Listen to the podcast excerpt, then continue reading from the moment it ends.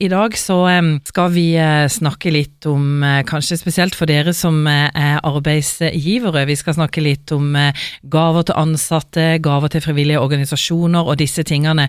Og med oss i studio så har vi Jostein Haaland, du er partner og statsautorisert revisor i revisjonsselskapet BDO. Og skal vi aller først, Jostein, prate litt om gaver. Det er snart jul, vi skal snakke litt om grenser.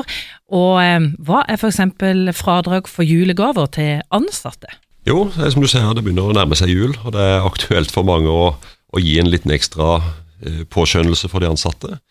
Eh, og eh, man står selvfølgelig fritt som arbeidsgiver til å gi det man ønsker, men, men det er noen grenser for, for skattereglene i forhold til dette her. Så, altså penger, Pengegaver er uansett skattepliktig, men man har anledning til å gi inntil 2000 kroner uten at det utløser skatt for, eh, for eh, den ansatte. Samtidig som arbeidsgiver får fradrag i sin, eh, sin skatt den samme gaven. Det er jo mange som selvfølgelig gir gaver til de, de, ansatte, men det er også veldig mange bedrifter som velger å gi til frivillige organisasjoner. Spesielt kanskje nå før jul. Ja, og kanskje i stadig større grad. Det er viktig både for altså Man ser jo et økende engasjement for, for å bidra på den type prosjekter. Så det er mulig å få inntil 50 000 kroner, få fradrag for inntil 50 000 kroner i gaver til frivillige organisasjoner fra bedrifter. Eh, og eh, det er egentlig ett vilkår. Det er at den organisasjonen, mottakeren eh, av den gaven, må være såkalt godkjent organisasjon. Og Det er skatteetaten som godkjenner organisasjonene. Så hvis man er i tvil om det, så kan man gå inn på skatteetaten sine nettsider og finne en fullstendig liste over alle organisasjoner som man kan gi gave til, med skattefradrag. Er det sånn at dette er ting dere får mye spørsmål om?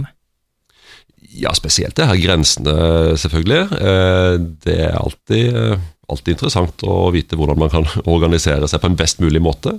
Og jeg syns det er en fin ordning med at man gir anledning til å, å, motivere litt ekstra, spesielt dette her med frivillige organisasjoner. At man kan gi en ekstra klapp på skuldra til de som står på gjennom hele året, men eh, som kan få en ekstra påskjønnelse nå til, mot jul.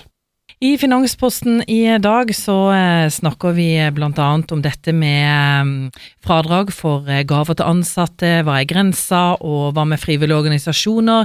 Vi skal også snakke litt om lønn og utbytte.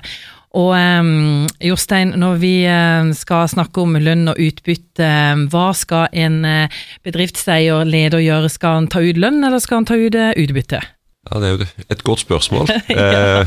Som det sikkert går an å tenke mange måter omkring. Men, men, sånn som jeg ser det, og sånn som jeg ofte snakker med våre kunder om, da er det hovedsakelig to ting. Man må tenke litt på dette med pensjon, det er viktig.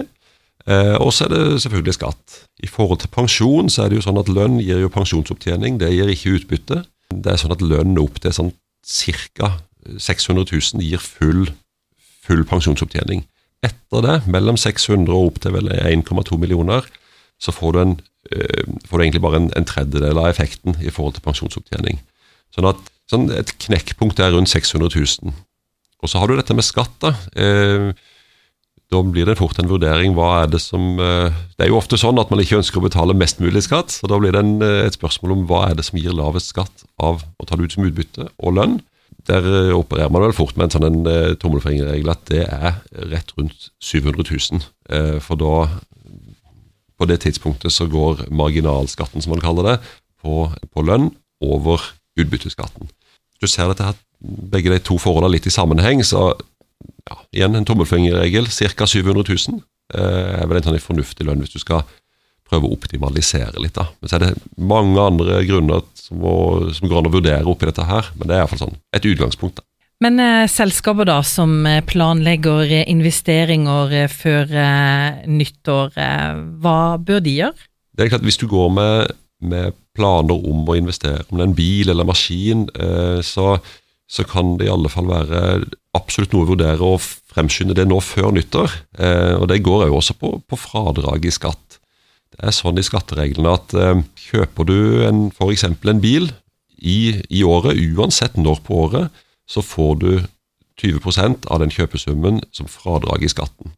Så sett at du kjøper eh, bilen eh, på nyttårsaften, så får du 20 av fradrag i det året, pluss at du får fradrag neste år. Hvis du kjøper den 1. januar året etterpå, så utsetter du det fradraget ett år. Sånn at, eh, hvis du uansett går med investeringsplaner, så kan det være en tanke å, å vurdere å, å gjennomføre det før nyttår.